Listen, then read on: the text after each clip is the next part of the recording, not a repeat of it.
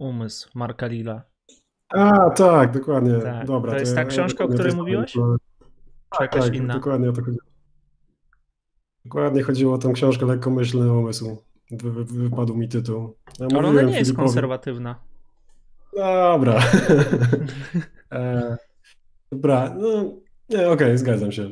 znaczy to jest, może, może...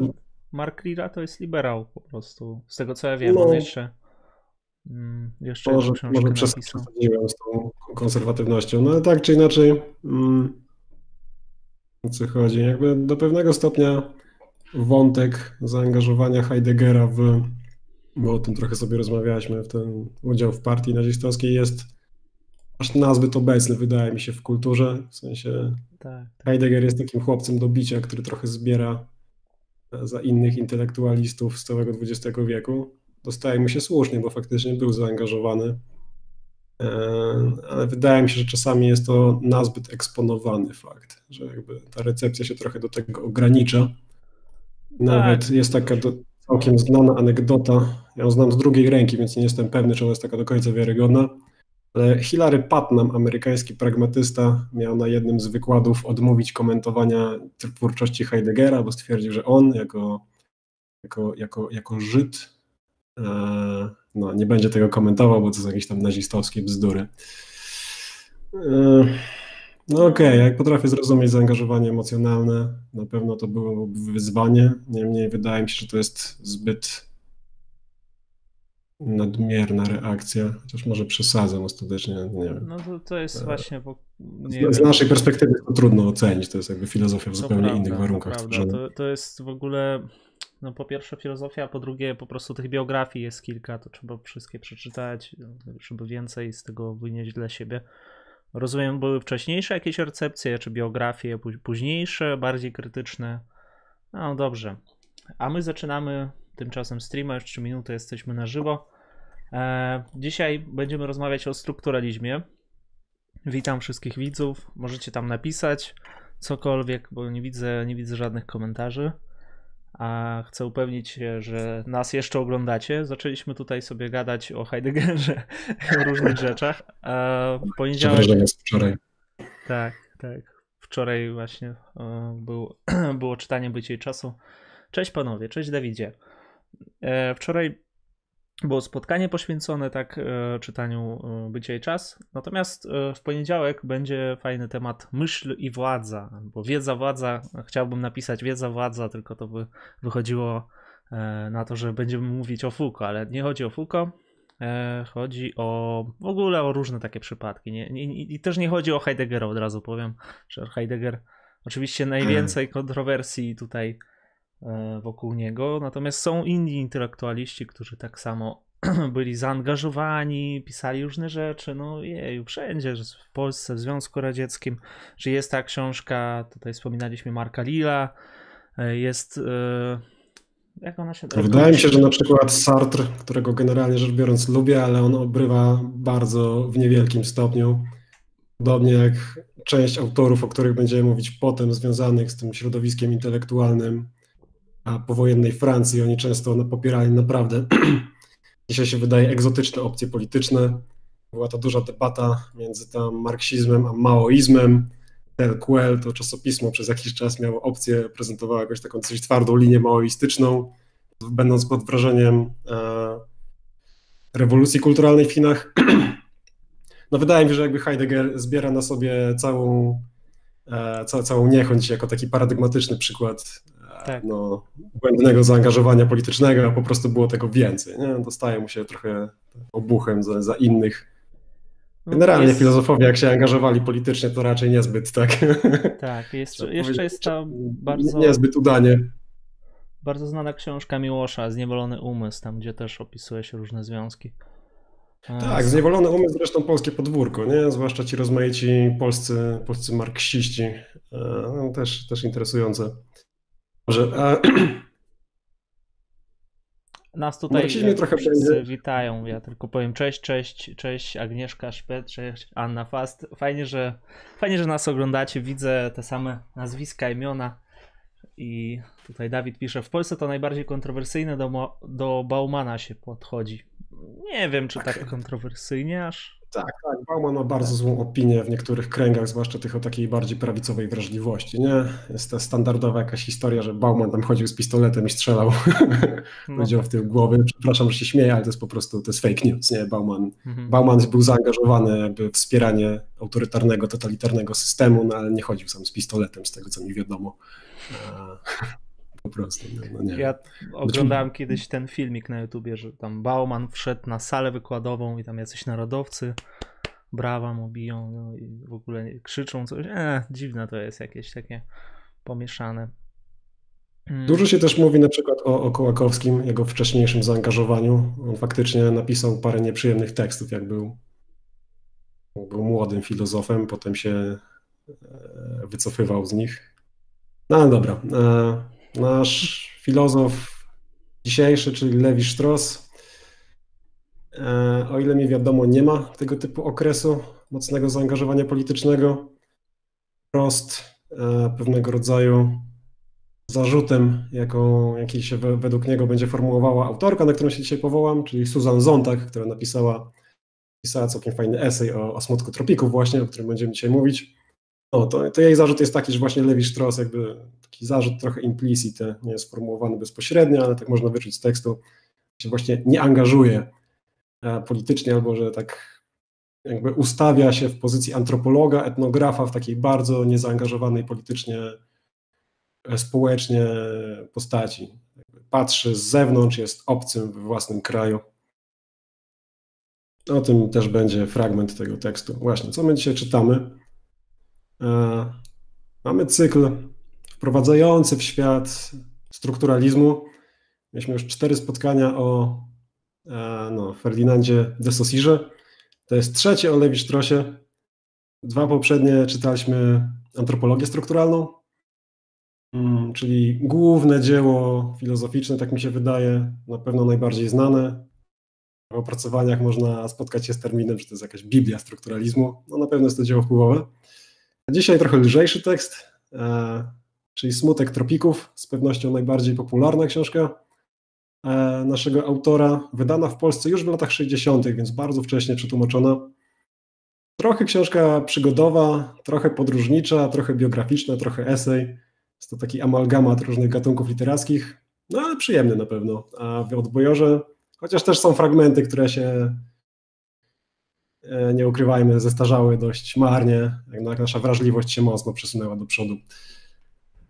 Tak, ja też powiem, że no jest to książka, która odbierana jest też jako dziennik bardziej i nawet e, chyba jest w tej liście Le Monde, tam najlepszych, 100 najlepszych książek, jakaś, tam lista rankingowa, E, co więcej, e, Lewi Strossowi chcieli e, wydać jaką, jakąś jeszcze premię za tą książkę, natomiast przez to, że to nie była powieść, natomiast taki dziennik półautobiograficzny, tam są badania, nie wiem, ja to porównywalne, jest to porównywalne do, nie wiem, czy wyznań Augustyna, tylko można by było to nazwać wyznaniami etnografa, czy etnologa, jak on tam lubił siebie też tak, nazywać. Tak, w tle Dobra, jeszcze ta historia. Generalnie chyba w tej anegdocie, o której ty mówisz, chodzi o dosyć prestiżową we Francji nagrodę Ginkortów, która jest przyznawana najlepszej, najlepszemu dziełu literackiemu.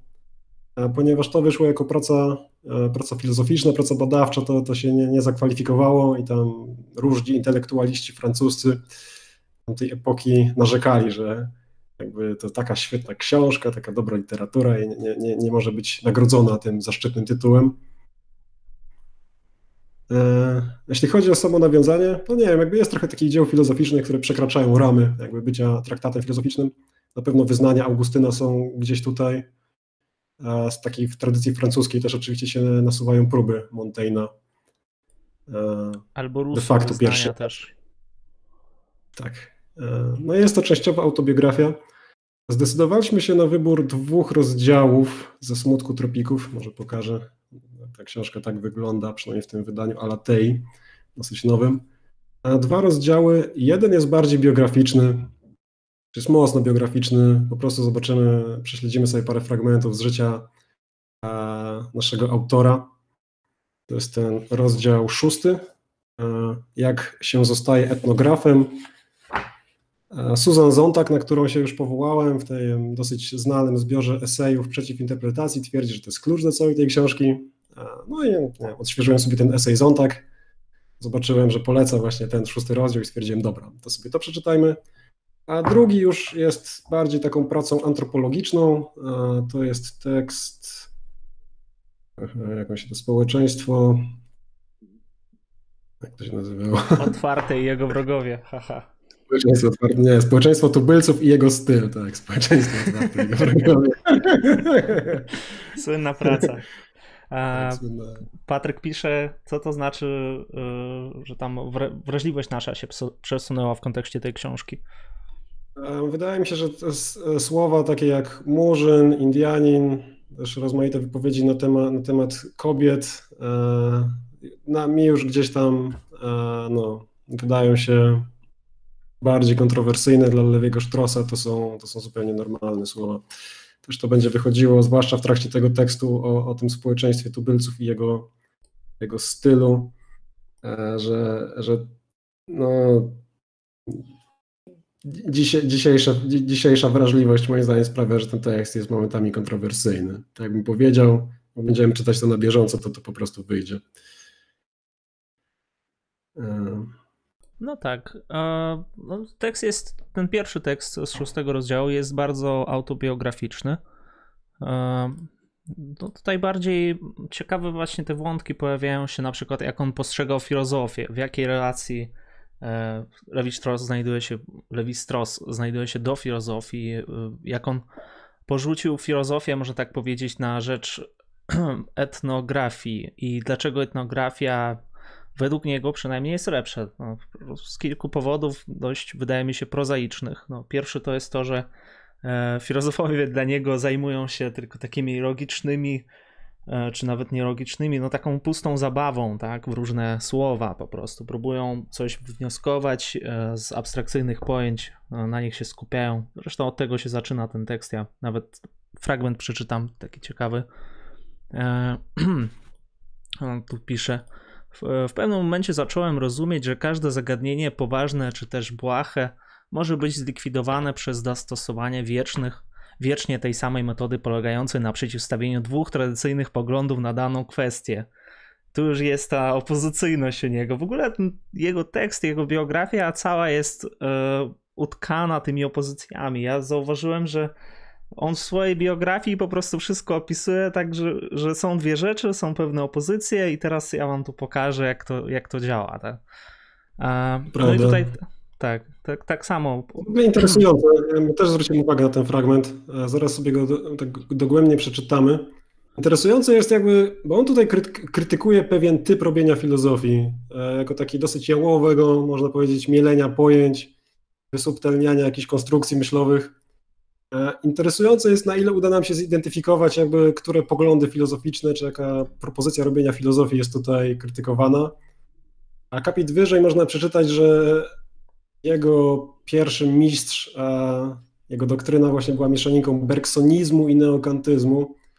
Nie jestem pewny, to ma taki posmak jakiś taki neokantowsko-heglowski, kiedy się o tym słucha, ale to jest Hegel na tyle rozwodniony, że no jakby na, na tym poziomie dyskutowania o tym to wszystko się może wydawać heglowskie lub nie heglowskie. E, no ale tak, e, dojdźmy do tego, tak wyżej jest właśnie, że ten Gustav Rodrig e, zawiódł Lewi Straussa chciał mieć jakiegoś takiego chyba, nie wiem, trudno powiedzieć, jakiegoś takiego racjonalistę, może pozytywistę, empirystę.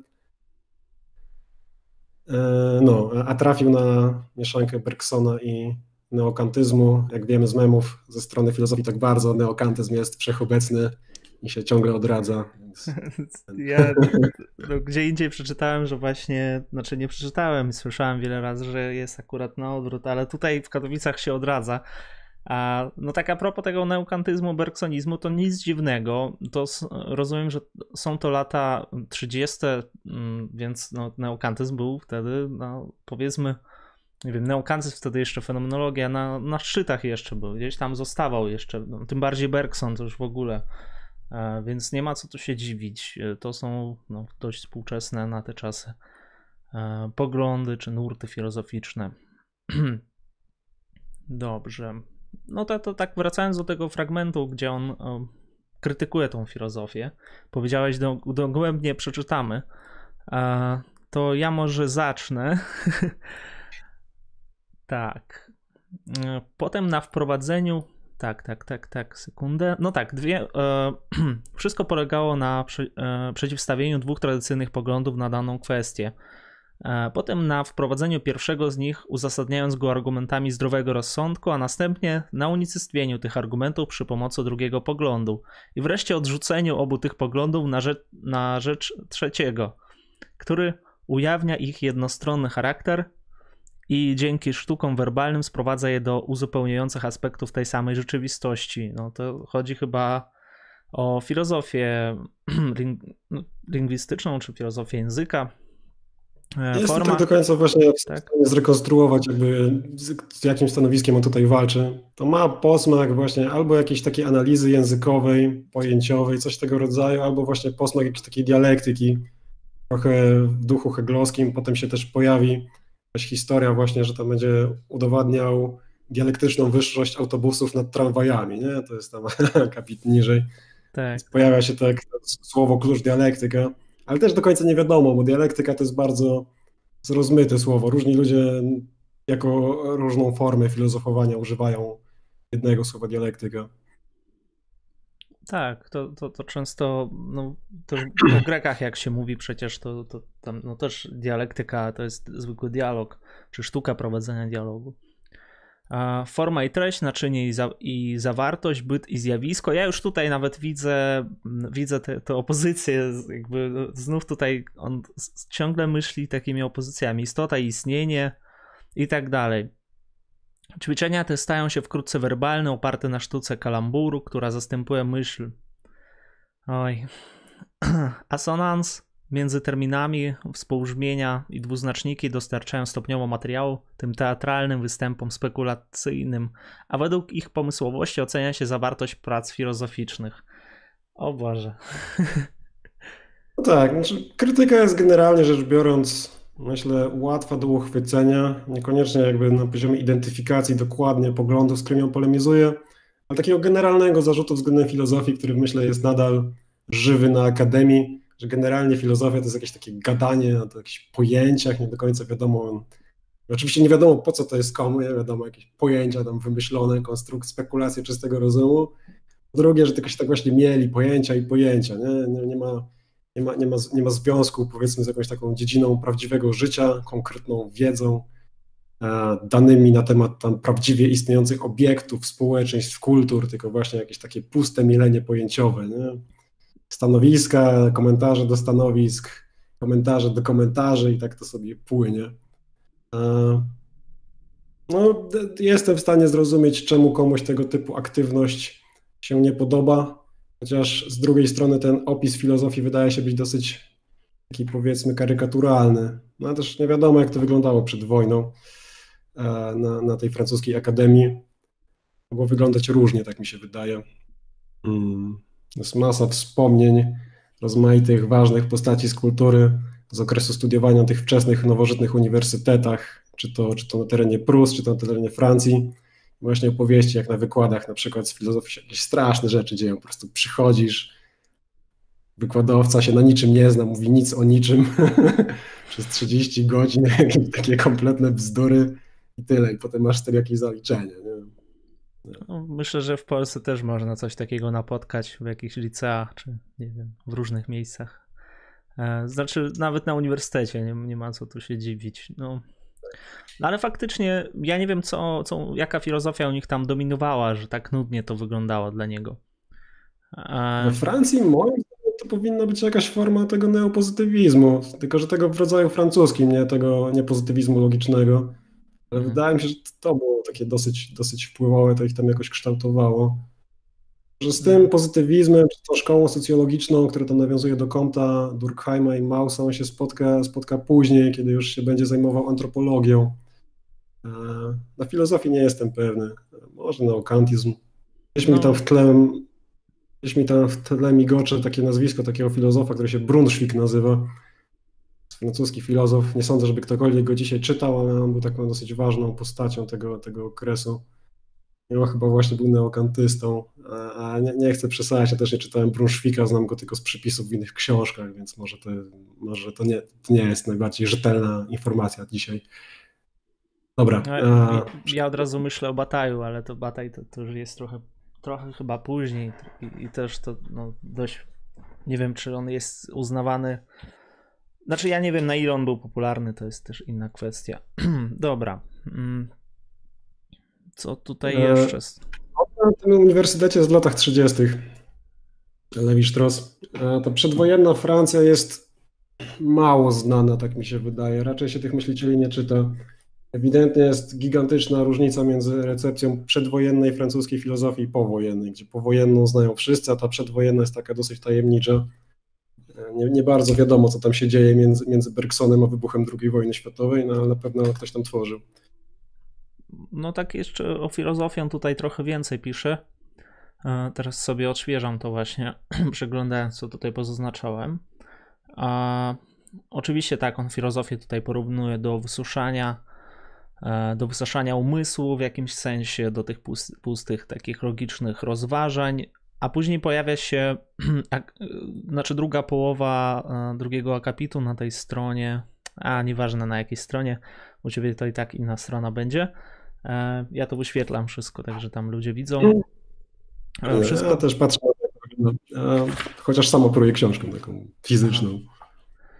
E, że ta filozofia była wykładana w taki sposób, jakby była jakaś filozofia wcześniej, później przyszła lepsza filozofia, lepsza, lepsza, lepsza, że jest jakiś postęp filozofii i on mówi, że tak, tak, to tak wyglądało, jakby mówić, że E, że no porównując z nauczaniem sztuki, jakbyśmy mówili, że sztuka gotycka musi przewyższać romańską, a później, późny gotyk jest doskonalszy od prymitywnego, lecz nikt nie zadawałby sobie pytania, co jest piękne, a co nie.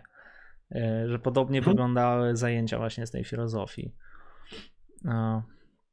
Tak. Wcześniej mówi, że filozofia stała się rodzajem estetycznej kontemplacji świadomości przez nią samą, a na stronie w książce to jest 50 strona, przynajmniej w tym wydaniu z Alatei. A I na... tutaj wyświetla fragmenty PDF-a, który nie jestem pewny, na czym jest, na którym wydaniu jest bazowany. Nie, nie, wiem, to ktoś to sporządził, wrzucił na chomiku, ja to ściągnąłem. To jest strona 18, jeżeli chodzi o tego PDF-a. Tak. E, tłumaczenie jest minimalnie różne. To musi być chyba starsze wydania, bo w każdym razie inne, bo niektóre słowa są w tym wydaniu, które ja trzymam, e, zmienione. Aha. Ale jest bardzo podobne, więc ten, to wygląda na jakąś redakcję bardziej niż alternatywne tłumaczenie.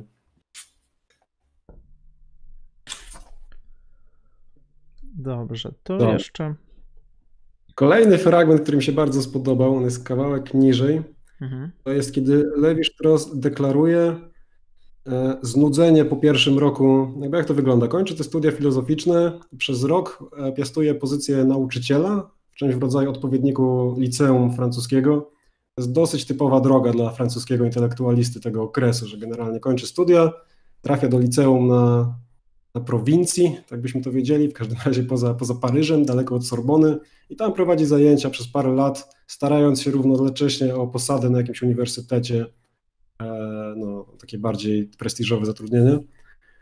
No i Levi Strauss trafia do Mont de Marsan, do Mont de Marsan, gdzie wykłada przez rok, co mu się całkiem podoba. Następnie rząd francuski przesuwa go na, na podobną pozycję też nauczyciela filozofii do Lyonu.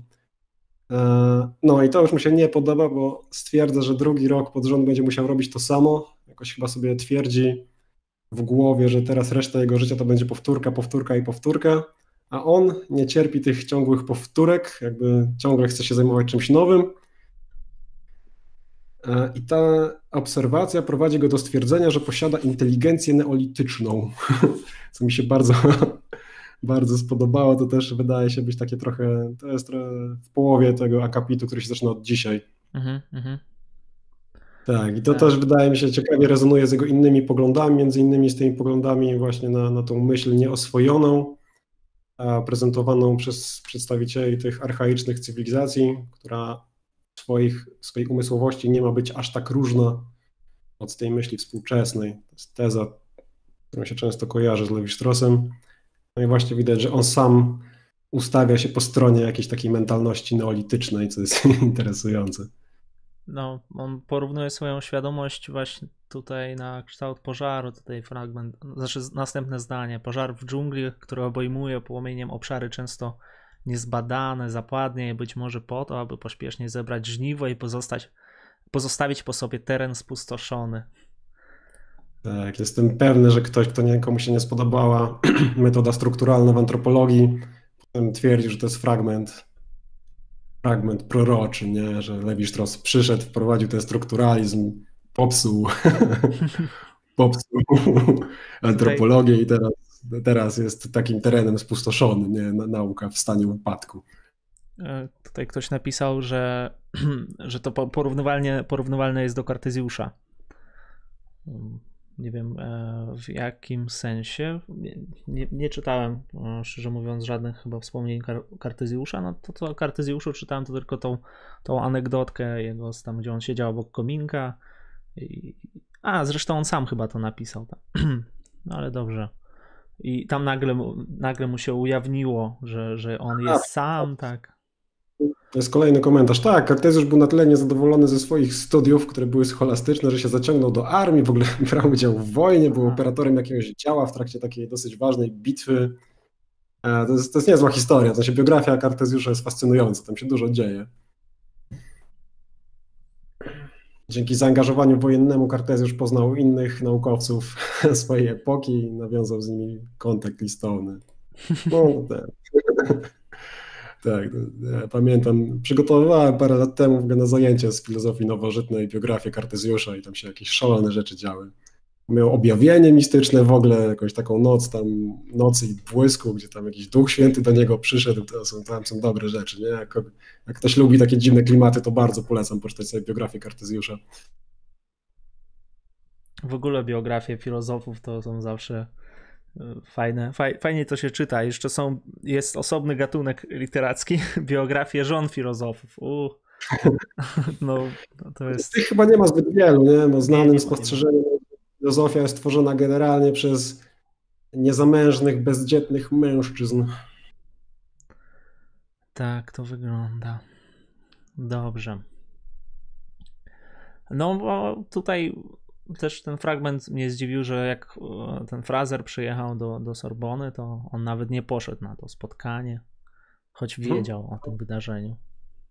No, to tak. znaczy, że yy, nie wiem w zasadzie dlaczego. No. No nie poszedł, bo jakby twierdzi, że jeszcze się w ogóle tą antropologią nie interesował wtedy, nie? Mhm. Chyba tak jest przesłanie tego fragmentu. Później będzie twierdził, że Fraser to jest jedno z jego głównych źródeł inspiracji. Oczywiście obok tych francuskich socjologów i antropologów wcześniejszego pokolenia, jak, jak Durkheim i, czy Marcel Mauss, tego Frazera będzie z takim dosyć, jak to powiedzieć, wysoką estymą będzie go darzył. Mhm.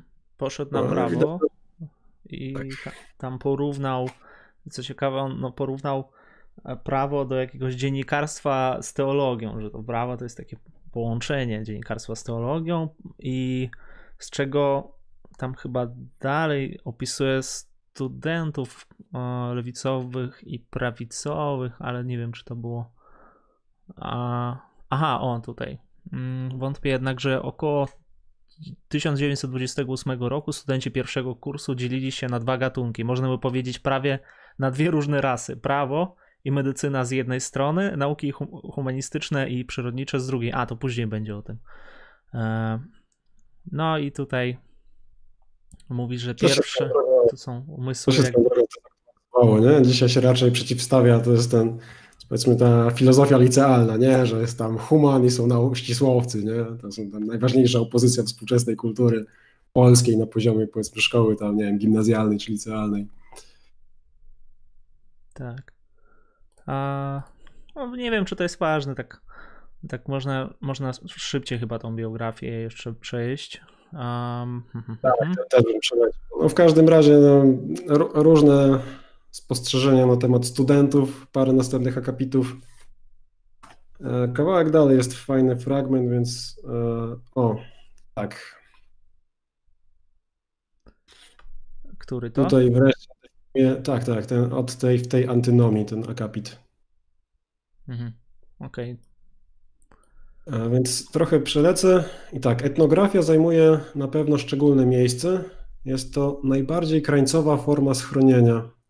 Nie wyłączając się ze społeczeństwa, etnograf stara się zarazem poznać i osądzić człowieka z punktu widzenia dostatecznie wyniosłego i oddalonego, by uczynić to w oderwaniu od cech przypadkowych związanych z określonym społeczeństwem lub z określoną cywilizacją. Warunki życia i pracy odcinają etnografa fizycznie od jego grupy na długie okresy czasu. Brutalność zmian, na które się naraża, sprawia, że jest w pewien sposób stale wyrwany ze swojego środowiska. Nigdzie, nigdy i nigdzie nie może czuć się u siebie, jest niejako psychicznie okaleczony. Jak matematyka lub muzyka, etnografia jest jedną z tych rzadkich dziedzin stanowiących prawdziwe powołanie. Można je odkryć w sobie, chociaż nie słuchało się wykładów. No więc widzimy, że właśnie zdaniem naszego autora etnografia wymaga mm, zajęcia względem własnej społeczności tego szczególnego miejsca, takiego jakby oderwania się od niej, spojrzenia, spojrzenia z dystansu. Czasami jest to tylko oderwanie takie mentalne, a czasami fizyczne, kiedy się jedzie na tą wyprawę badawczą. W każdym razie no, ta, ma taki nawet nutkę dramatyczną, nie? że etnograf staje się z uwagi na swoją pracę psychicznie okaleczony. Tak, tam mm. wcześniej był fragment, że on w ogóle od samego dzieciństwa lubił jakieś tam rzeczy zbierać, e, że był ciekawy, właśnie łaził tam wszędzie i coś tam zbierał. E, I jeszcze fragment wcześniej chyba on mówił o tym, że jako wykładowca, to co powiedzieliśmy już, tak? I on tam chyba powiedział, że jak jesteś takim nauczycielem, to jesteś jakby, no, że twój świat się kończy na tej uczelni. E, że tak bardzo teoretycznie podchodzisz, natomiast etnograf tego unika ale też nie dalej jakby jest i tak jesteś oderwany, więc no, no to jest ta antyno, antynomia.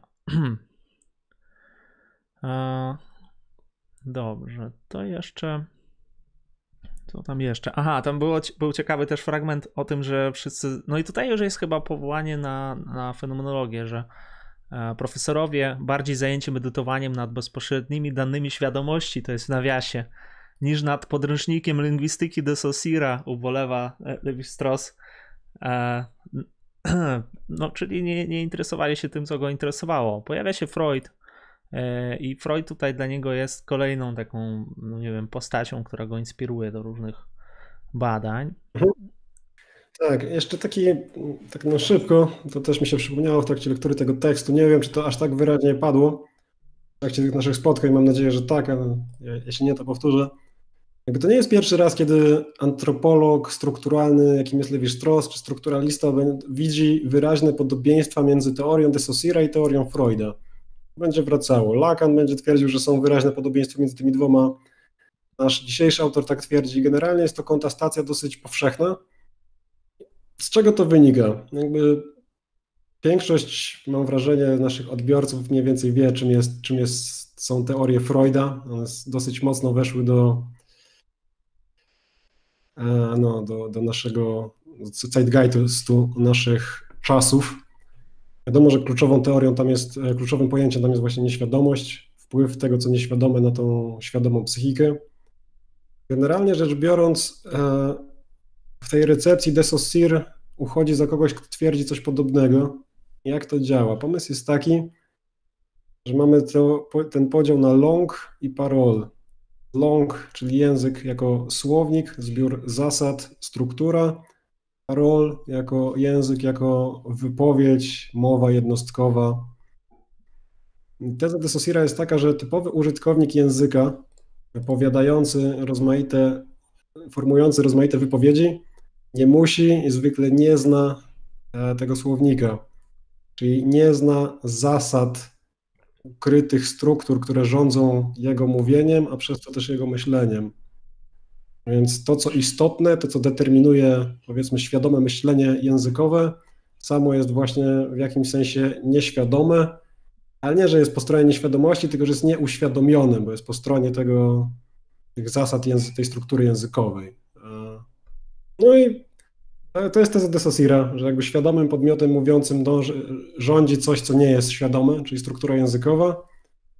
I Lewi Strauss, Lacan i paru innych strukturalistów stwierdzi, że Freud mówi coś podobnego, że można ustanowić, e, można ustanowić analogię między tymi dwoma podejściami. Tak, no i tutaj Freud od razu pojawia się. No, nie wiem, czy to można potraktować jako analogię do Freuda, a że Freud właśnie ustalił tutaj istnienie struktur pre prelogicznych, chyba tam gdzieś było napisane, nie wiem, że tak z pamięci mówię. I też odkrył jakby no, no, nową tutaj sferę. Teraz szukam, gdzie to było. Ograniczają do innych każdego. Nie. Dobrze, nie, nieważne.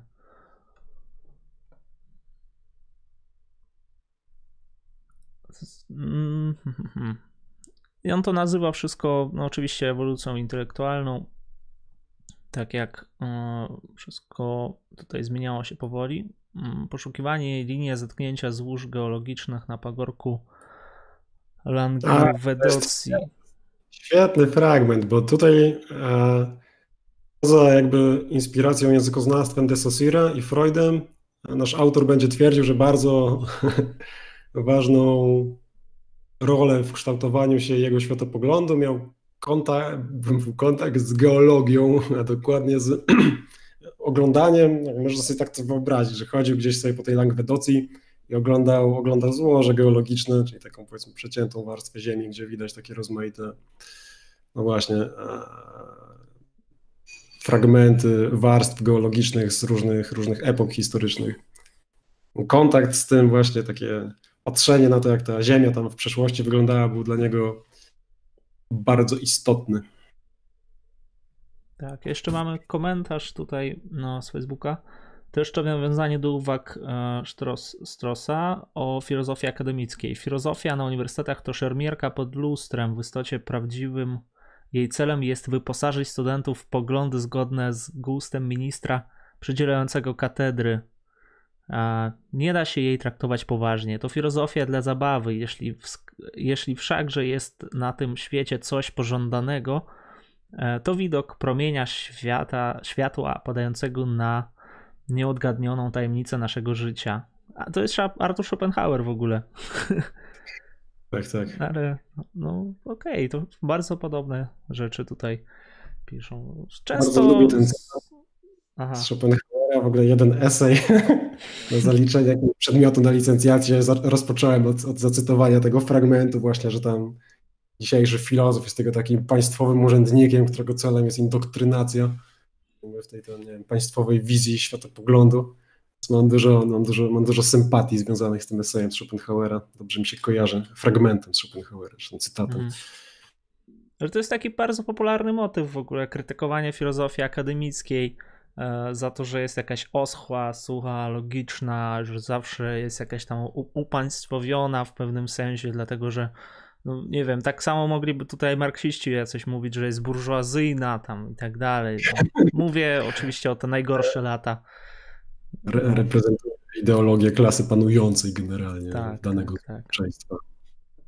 Jest taką, jest taką jakby ten ostatnią blokadą przed naprawą społeczną, nie? Że, że gdyby tylko ci akademicy przestali korumpować duszę młodzieży, to tam by wszystkie zmiany społeczne, które dany myśliciel chce zobaczyć, faktycznie się pojawiły. No. No dobra, więc wiemy, że e, jakby Lewi Strauss się pasjonował geologią. Ja wiem, na ile to jest antycypacja pewnych tez z tego, z tysiąca plato, gdzie też, też się pojawiają nawiązania do, do geologii moralności. Na przykład jest ten taki dosyć znany rozdział i te metafory geologii, to nie są metafory, pojęcia geologiczne są ważne dla Deleza i Guattariego. Może kongenialne, w sensie nie, nie wiem, ile, jak tutaj można poprowadzić linię inspiracji. Tak, zrobimy czytania tysiąc plato i się dowiemy. Może. Kiedyś fajnie by było. A, tak, tak. No to zna, zna, dalej tam Freud jeszcze raz się pojawia. Ale to w jakim kontekście? Kiedy poznałem teorię Freuda, wydawały mi się one w sposób całkiem naturalny zastosowaniem do indywidualnego człowieka metod, których wzorem jest geologia. W obu przypadkach badacz staje na wstępie wobec zjawisk z pozoru nie, nieprzeniknionych. W obu przypadkach, aby zebrać i zmierzyć elementy złożonej sytuacji, trzeba odwołać się do tych samych przymiotów wrażliwości, węchu i smaku. A jednak porządek, e, który wprowadza się do całości zrazu nie z, bezładnej, e, nie jest ani przypadkowy, ani dowolny. No, porównywalnie do geologii znów. Hmm? Przed chwilą tak mówiłaś akurat o tym. W tej samej serii zaraz się pojawi też marksizm.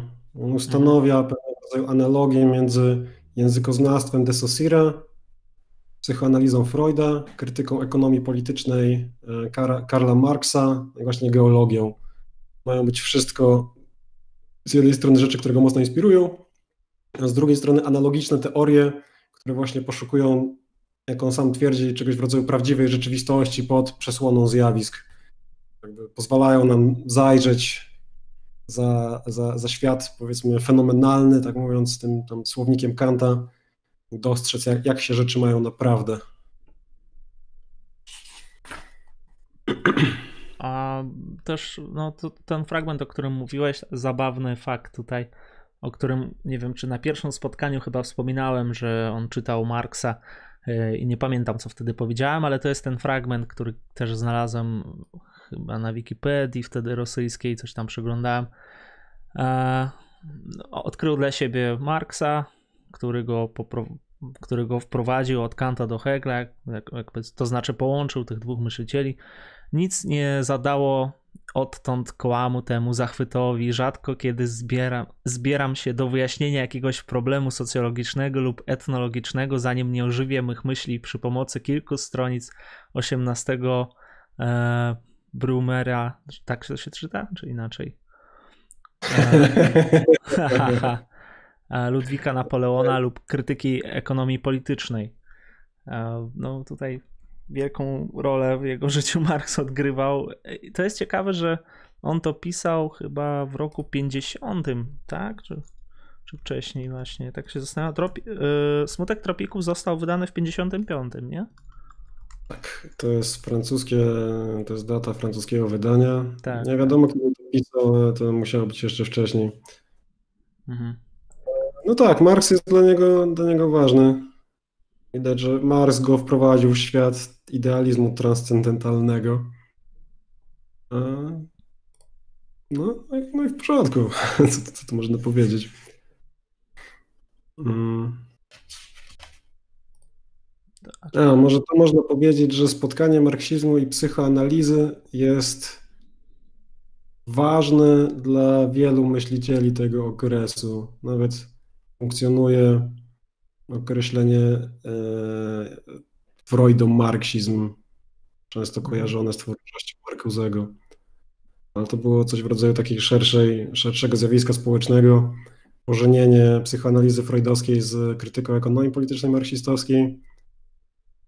Jakby pisma Freuda czy teorie Freuda miały dać odpowiedź na to, dlaczego proletariat nie chce rewolucji, tak w dużym skrócie, nie?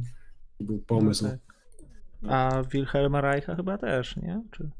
Tak, tak, jak najbardziej. Reich też jest tam gdzieś w tle tego wszystkiego. Hmm. Pomysł jest mniej więcej taki, że nie, Marx stwierdził, że kiedy tylko ludzie spostrzegą właśnie proletariat jak ma bezna- w jakiejś słabej jest sytuacji ekonomicznej, a z drugiej strony, że właśnie to on jest tym zamachem koła napędowego dziejów, od razu dokonają rewolucji. Rewolucja się w niektórych krajach udała, w innych nie, w różnych próbowano. Niemniej niechęć mieszczaństwa i rozmaitych warstw społecznych właśnie do, do rewolucji będą się ci intelektualiści starali wytłumaczyć działaniem e, właśnie jakiejś takiej ideologii, działaniem, działaniem nieświadomym rozmaitych zjawisk społecznych. I tutaj się przyda aparat narzędziowy Freuda. Oczywiście to, co robi Żyżek współcześnie, to jest dalekie echo tego typu podejścia. No, tutaj odchodzimy trochę od tego, e, ale, ale tak to, no, to jest bardzo ważne tutaj rzeczywiście. No. Ciekawie, czy e, kto pierwszy jakby tutaj zaczął zwracać się, tak łącząc marksizm, Freud, Marksa, Freuda i, jeszcze e, co tam jeszcze? No, w, tym przypadku de Saussure, tutaj wiadomo, że to Levi Strauss, ale kto pierwszy zaczął łączyć Marksa i Freuda? Czy ta szkoła frankfurska, czy ktoś? Bardzo fajne pytanie. No. Szkoła, tak zwana szkoła frankfurcka na pewno też. Nie wiem, myślę, że dosyć szybko, dosyć dużo badaczy na to wpadło. To jest też w ogóle interesujące, jaką karierę robi psychoanaliza, nie? że z takiej e, dziwacznej teorii gdzieś na pograniczach kultury, z której się masa ludzi trochę podśmiewuje. Freud miał duży problem w ogóle do, na wejście tak zwane salony intelektualne. Liczył, że Jung go tam wprowadzi. Jung był bardziej klasycznym arystokratą, tak można powiedzieć. Był bardziej szanowanym z uwagi trochę na swój status e, społeczny. Więc bardzo szybko psychoanaliza właśnie z takiego czegoś kompletnie outsiderskiego staje się samym centrum kultury europejskiej. E, interesujące to zawsze dla mnie było. Dobra, e, jeszcze trochę o tym tekście. Tak naprawdę już kończymy ten pierwszy tekst. Jak widać, on jest krótki i głównie biograficzny. Można się rozczarować, bo czytamy te, teoretycznie Smutek Tropików jest rekomendowany czy polecany jako książka przygodowa o wyprawie naszego autora do, do Brazylii, że dokładnie na pogranicze Boliwii i Brazylii, gdzie spotykał pewne e, plemiona indyjskie. A jak widać jest tu masa fragmentów, że to wcale nie jest w tej Brazylii, tylko, tylko siedzi sobie we Francji i, pisze na temat rozmaitych rzeczy. No to też jest interesujące jakby. To też są całkiem fajne fragmenty, też mi się wydaje, nie mieliśmy takiego fragmentu biograficznego. Kiedy zaczynaliśmy czytać antropologię strukturalną, to to trochę uzupełnia te wątki biograficzne z życia, e, z życia naszego autora. On to napisał jako podsumowanie takiego, co on wcześniej napisał, zrobił, poznał. E, tam też inne nazwiska pojawiają się, jak on w ogóle do Ameryki Południowej statkiem e, przypłynął. No i jak tam poznał amerykańskich tych antropologów, w ogóle jego, jego można tak powiedzieć, mm, stosunek do nich no, no, bardzo pozytywny. Natomiast tutaj pojawił się też jeszcze prag, e, chyba pragmatyzm. Tak, tak, w ogóle. E, Reich oczywiście był uczniem Freuda, jak najbardziej. Z uwagi na swoją dosyć ekscentryczną teorię, jak się nazywała ta rzecz? Organon? Mm. Orgonon, tak. nie, nie, nie pamiętam dokładnie, ta, ta, dziw, ta dziwna energia. No tak. Potem, po, potem mm, no, mieli dosyć widowiskowe przygody. E, ale no, tak, tak, Reich był uczniem Freuda. E, tak, jeszcze wracając do tego tekstu, moje, moją uwagę też zwróciło właśnie to, byśmy może powiedzieli, szkalowanie pragmatyzmu amerykańskiego. Tak. E, Kreber i Boas. Boas to amerykański językoznawca, bardzo ważny dla, dla, dla kształtowania się e, światopoglądu Lewi Straussa. Trochę już sobie o nim mówiliśmy, może też trochę do niego wrócimy, e, bo widziałem, że jego książka jest wydana przez NCK, więc może chciałem sobie do niej zajrzeć, zobaczymy. Różne rzeczy można tutaj robić. No ale w każdym razie ta, ta generacja amerykańskich badaczy wydaje mi się dużo ciekawsza od przestarzałej filozofii amerykańskiej w rodzaju Jamesa lub Dewey'a interesujące generalnie, on zwłaszcza, to... że to jest pisane w latach 50., nie? Tak, on to mówił e, w kontekście tego, że zarzucali mu jakiś tam amerykanizm w nauce, natomiast on tutaj no, dalej pisze, cóż to za, cóż to za głupota, że on jest wierny tej e, tak Durkheim, Durkheimowskiej tradycji, natomiast i tym właśnie amerykańskim antropologom, ale w żadnym przypadku nie właśnie pragmatyzmowej amerykańskiemu. No i to tyle też z tego. No. Trochę, też się odżegnywał trochę od tego Durkheima. Pamiętam, że był taki fragment, że tam, nie wiem, czy to jest w tym rozdziale Tylko Tropików, że generalnie jak go zaprosili do tej Ameryki Południowej, żeby tam prowadził wykłady, a to nie, nie wiem, czy rektor, dziekan, w każdym razie jakaś taka osoba z administracji tej uczelni poprosiła go, żeby poprowadził po prostu serię wykładów o Durkheimie, no bo jest, franc tak. jest francuskim badaczem, to niech prowadzi o Durkheimie. On nie chciał generalnie. Więc ten jego stosunek do tego Durkheima też się zmieniał. No tak. tak, e, Radek Gładkiewicz nam napisał, że ta, ta mm, energia e, postulowana przez Reicha to jest organ. Tak, tak, to jest to słowo. Dobrze, to, to przechodzimy do tego drugiego fragmentu, hmm. który tutaj jest już bardziej taki treściwy. Mm, społeczeństwa bardziej, bardziej przypomina to, co czytaliśmy wcześniej, czyli antropologię strukturalną. Można powiedzieć, że to antycypuje tą antropologię. Ja że to trochę obrazków. To jest 20 rozdział. Mhm. Sobie otworzę jeszcze tutaj na nośniku.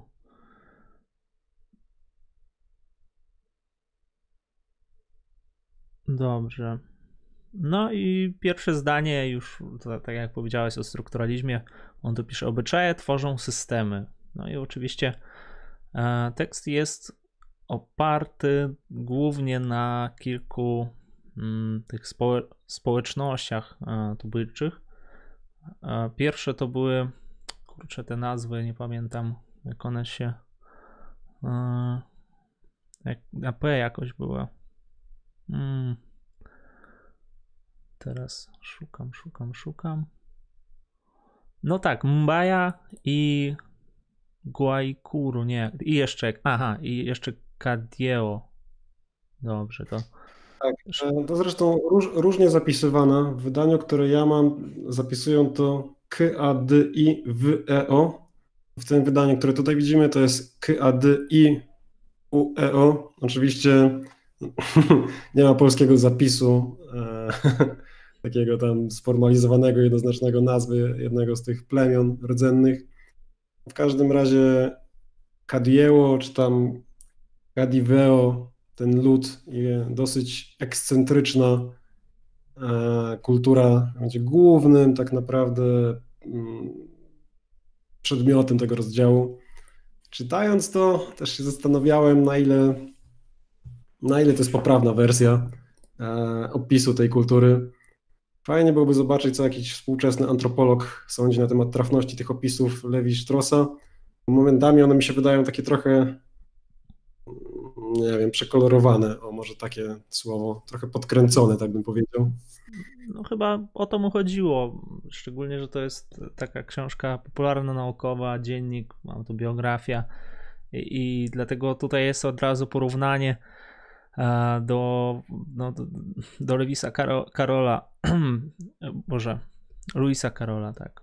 E, że ci Indianie wy, wyglądają tak jak figury jakieś karciane. Tak, sam, sam Lewi Strauss e, stosuje do ich opisu słowo rycerze. E, generalnie będzie stosował takie byśmy to nazwali europejski słownik feudalny do opisu ich struktury. Nie jest pierwszy, wcześniej to robił jakiś taki niemiecki badacz, który tam 50 lat przed nim dotarł na te tereny i też napisał coś o, tych, o tej społeczności. I też właśnie zanotował, że ich e, struktura społeczna jest podobna do, do feudalnej Europy. Ja nie wiem, na ile jakby słowo rycerze dobrze oddaje tą kulturę. Właśnie to, to jest problem jakby z przekładalnością, z przekładalnością słów. No, też nie, to, to, od razu nasuwa jakieś skojarzenia zupełnie inne. Co jest ciekawe, y, że ten Louis Carroll tutaj pojawia się i on, no Deles będzie też dużo pisał o nim, na przykład logice no, sensu i w ogóle. No, logika sensu, która rozwiązuje pewne problemy wygenerowane przez tą e, różnicę i powtórzenie. Mam nadzieję, że kiedyś do tego dojdziemy. Tak. Pewnego dnia. Na pewno. No i porównując, e, tutaj jakby te, te, opisy jego trochę tak bajkowo wyglądają też. On bierze jakieś ornamenty, w ogóle opisuje. Ja miałem wrażenie, że to jest jakieś takie badanie, jakby on był we śnie i próbował opisać to, co tam się wydarzyło trochę z pamięci, trochę z tego, co zostało mu, to znaczy te rysunki, które. Bo rozumiem, że niektóre rysunki on sam naszkicował, a niektóre, w sensie szkice, a niektóre tam były jakieś e, malowniczki, tak? Tak, e, bo to są, co to generalnie przedstawia? To są tatu, wzory tatuaży. Ludność tego rozumienia tatuowała swoje twarze przede wszystkim E, chociaż także zdobili, zdobili ciała. No i część tych wzorów e, nasz autor sam po prostu przeniósł do notatnika, część malowały kobiety z tego plemienia, gdyż też jest jedna z jego tez, e, to głównie, czy to tylko kobiety zajmowały się rysowaniem tatuażu, zdobieniem ciał. Mężczyźni zajmowali się garncarstwem. Więc to, to jest, występuje podział, a podział, no właśnie, twórczości, która jest może bardziej nawet rytualna niż praktyczna. Znaczy dobra, garnki tam się przydają także do celów praktycznych, no ale rytualne zdobienie ciała wydaje się ma głównie charakter właśnie jakiś taki kulturowy, religijny może. Chociaż sam Lewi Strauss będzie twierdził, że te kobiety zdobią sobie ciała, żeby zwiększyć e, swoją atrakcyjność. Powabność, atrakcyjność, Aha. tak. A, no i też nie będzie twierdził, że to, to jakby malowanie twarzy tutaj odsyła nas do przejścia właśnie od natury do kultury, e, czy do cywilizacji, on takiego słowa używa. E, I oni w ten sposób stają się, jakby nabierają jakiegoś innego statusu, tak? Stają, jakby są bardziej dumni z siebie, że, że posiadają te rysunki. I przy czym jeszcze dziwią się, dlaczego to inni, którzy do nich e, przyjeżdżają, to znaczy ci antropologowie, jak oni ich nazywają, strusie pióra, czy jakoś tak, e, nie robią tak, tego. Tak. Dla nich to było dziwne i niemądre. Tak, bo Europejczycy nie tylko mm, nie mieli tatuaży, ale także mieli zarośnięte twarze. Mhm. E, członkowie tego plemienia depilowali kompletnie twarz, wyrywali sobie nawet brwi i rzęsy, czy powiedzmy żadnych włosów na, na twarzy.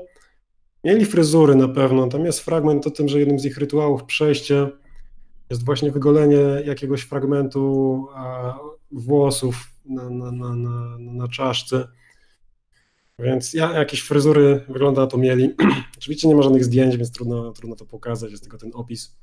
No, A, no tak ja nie, nie szukałem też za bardzo, ale teraz może wpiszę. A w tym wydaniu papierowym, które ja mam, jest trochę, trochę dokumentacji zdjęciowej. Mhm. E, no właśnie, więc tak, tak. E, kobiety mają, kobiety mają włosy. Nie wiem, czy jak to pokażę, to coś będzie. Będzie bardzo dobrze widać. O, super. Więc to, mhm. są, to są. Tak, jak widać, mają tatuaże na, na, na, na ustach, mają też włosy takie normalne. Dobra, normalne. nie, wróć. Nie chcę powiedzieć, że jakieś fryzury są normalne, inne są nienormalne. No mhm. ale w każdym razie no, nie, nie, nie depilują całych, całej, całej, całej czaszki, tylko właśnie przód. Dobrze, coś tu szukam w Google, jakieś obrazki, żeby pokazać. No, no, jakoś słabo z tym. Dobrze, tak, wracając do tego tekstu. Co tam jeszcze takiego ciekawego było? O tych Mbaja. No, tutaj piszę od razu, to jest dalej akapit na, na tej następnej stron, stronie po, po tych malowidłach. Mbaja byli zorganizowani w kastach na szczycie drabiny społecznej szlachta, podzielona na dwa stany: szlachta dziedziczna i indywidualnie nobilitowani, przeważnie ze względu na jednoczesność narodzin z urodzeniem, urodze, uradzaniem dziecka wysokiego rodu. No, nie wiem na, na jakiej zasadzie byli nobilitowani. No nie, nie, to wygląda na to, że to jest dosyć dziwny rytuał, taki nietypowy. W chwili, w której rodzi się dziecko w wysokim rodzie, sprawdzają, czy równocześnie tego samego dnia nie urodziło się jakieś inne dziecko, na przykład z niższej kasty, mhm. bo to jest społeczeństwo kastowe.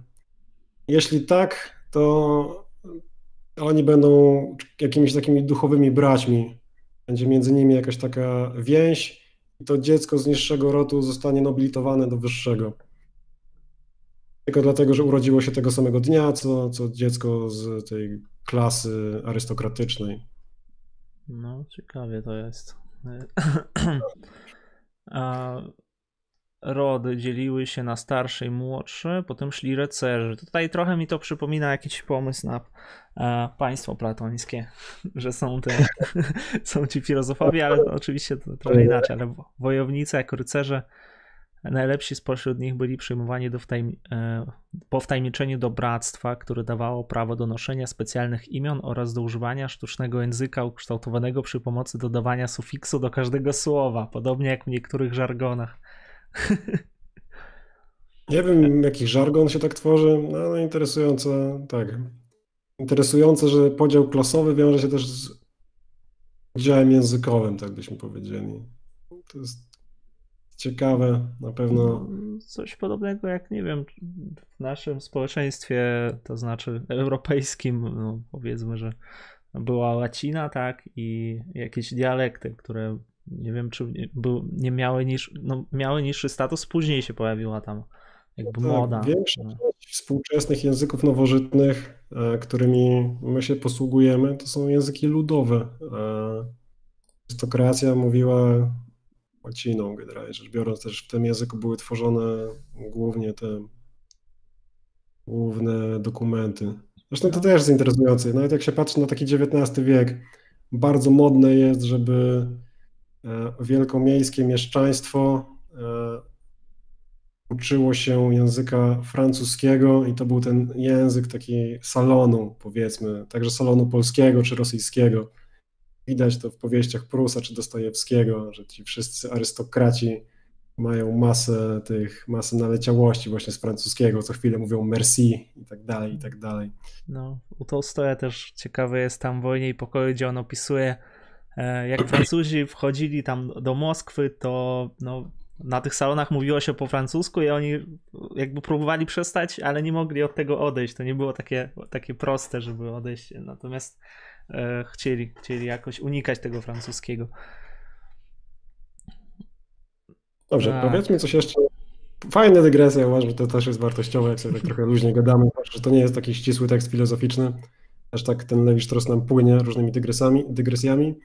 No w każdym razie, więc zajmujemy się omawianiem tych Indian, Kaidville. Jest to społeczeństwo kastowe, trzy kasty. Najwyższa to jest jakaś kasta władców, arystokratów, dalej mamy wojowników, nazywanych też czasami rycerzami. Najniżej jest ta kasta, którą Levi Strauss nazywa, nazywa plebsem. Prawdopodobnie jest jakaś taka kasta, której trafiasz po prostu jak nie jesteś ani, ani możnowładcą, arystokratą, ani, ani rycerzem. Interesujący rytuał, że jeśli się urodzi e, dziecko arystokratów, to równolegle nobilitowane jest dziecko klasy niższej, jeśli się urodzi w tego samego dnia. No i też co sobie powiedzieliśmy o tym plemieniu, że podział płciowy na, na to, jaką formą rytualną się zajmują. Kobiety zajmują się rytualnymi tatuażami, których przykłady widzimy na tych obrazkach, one też się będą pojawiać, a mężczyźni wyrabiają garnki, ale chyba też właśnie takie bardziej rytualne, z tego co zrozumiałem z tego tekstu. E, dalej się dowiadujemy jeszcze, żeby mieć jakieś takie opisy tego plemienia. No, arystokraci mieli tam tatuaże specjalne jakieś. Tak, wstręt do rozmnażania się, to jest wątek, który będzie mhm. tutaj się parę razy pojawiał. On był trochę wcześniej, zresztą nieważne. Mhm. Społeczeństwo w ostry sposób sprzeciwia się uczuciom, które my uważamy za naturalne. My, Lewicz teraz oczywiście mówi w odniesieniu do tam, nie wiem, publiczności europejskiej XX wieku. Odczuwało wstręt do rozmnażania się, spędzania płodu i dzieciobójstwa praktykowano prawie powszechnie, także grupa trwała bardziej dzięki adopcjom niż porodom. Jednym z głównych celów wypraw wojskowych było zdobywanie dzieci. To jest interesujące, w sensie to wydaje mi się jest jeden z takich najbardziej dziwnych charakterystyk tego plemienia. Na tyle dziwnych, że aż mam wrażenie, że on tu może trochę podkręca. Już nigdy nie wiadomo. No tak czy inaczej byłoby to społeczeństwo, w którym byłoby duże przyzwolenie na aborcję, co jest interesującym być może jakimś takim. Mm. Chcę powiedzieć, że to jest do współczesnych sporów, bo to nie jest nawiązanie, ale interesujący powiedzmy jakiś taki punkt odniesienia. No tutaj adopcja była ważniejsza i ta adopcja polegała na tym, że oni zabierali z tych innych mm, jakby plemion, tak, te, te dzieci e, no, jest to, narodzone. Coś adopcją wojenną, nie? Inni, ktoś inny by powiedział, że to jest zniewolenie tych tam dzieciaków e, z hmm. innych plemion. To już tam, no, no tak. Co jest też jeszcze bardziej mnie tak zaskoczyło, e, znów wracając do tego państwa platońskiego, dzieci, które były nowonarodzone w ich społeczności, stawały się, w ogóle ktoś inny nimi się zajmował i rodzice też gdzieś daleko byli. To było bardzo takie, nie, nie pamiętam jak który to był fragment, chyba tam dalej konkretnie. Jest sporo analogii między tym dosyć szalonym ustrojem, który Platon pro, proponuje jako najlepszy, a, a, a, tą właśnie społecznością tych Indian, Kaidveo. No byli monogamiczni też. No, to jest tak, on mówi, że z jednej strony mamy asymetrię, a z drugiej strony mamy tutaj e, jakąś symetrię. On tam coś o połowach mówił i tego fragmentu nie zrozumiałem. Może ty wiesz, tym chyba ten e, tekst się kończył. To jest jeszcze trochę o tej monogami. Mhm. Warto przeczytać zdanie. Nasi Indianie byli monogamiczni, lecz młode, młode dziewczyny wolały niekiedy dzielić przygody wojowników, służyły im jako koniuszowie lub paziowie i były ich kochankami. Panie z arystokracji zaś utrzymywały Cici z Bejów, nie wiem. Którzy często byli kochankami, a mężowie nie raczyli okazywać zazdrości, gdyż przyprawiłoby ich to utratę godności. Jest taka monogamia, powiedzmy, no, monogamia rozszerzona, tak to nazwijmy. E, nie, nie do końca monogamiczne na pewno. Jeśli chodzi o te połowy, e, tak, Lewi Strauss tego nie tłumaczy. To jest bardzo interesująca, nie wiem, czy to można nazwać zwyczaj, bardzo interesująca forma organizacji społecznej, która występuje w wielu tych plemionach. Plemię dzieli się na dwie połowy po prostu. Obowiązują rozmaite zasady, rozmaite tabu, e, zasady matrymonialne, tabu dziedziczenia, tabu ożenku, tabu dziedzicze, zasady dziedziczenia, tak. Więc zasady matrymonialne, zasady dziedziczenia, rozmaite tabu między tymi dwoma połowami. Więc mamy powiedzmy plemię, w którym jest 200 osób. E, ono jest podzielone jakby na dwie połowy, jest połowa A, połowa B i możesz się na przykład tylko e, wyjść za mąż albo ożenić się z osobą z drugiej połowy. Nie możesz na przykład mieć, nie wiem, pewnego rodzaju typów stosunków z osobami ze swojej połowy i tak dalej, i tak dalej. Więc to się w antropologii nazywa prawem połów, jakąś tam zasadą połów. No, no i właśnie, to jest tego typu, tego typu struktura, że plemiona się dzieją na połowy i masz pewną liczbę praw, nakazów i zakazów względem hmm. ludzi ze swojej połowy i z tej alternatywnej połowy. A to było ten podział na połowę poprzek tych podziałów kastowych, nie? Aha, aha. To było w tym tekście? Bo chyba coś tutaj pominąłem. Chyba, że to... W tym tekście będzie generalnie to pod sam koniec pewna sugestia, że prawo połów nie występuje w tej ludno, w tym, mhm. Wśród tych kajdwerów. Jak oni się, jak oni się nazywają? Jasne, jasne. No dobrze, to Tak, kajdwerów. Lewi Strauss będzie twierdził, że z uwagi na to, że nie występuje, to oni mają taką podświadomą potrzebę wprowadzenia tego prawa połów i dlatego robią te tatuaże i robią te garnki, nie? Tutaj spoiluję zakończenie tego tekstu, ale mniej więcej takie, takie no. jest rozumowanie. Tak.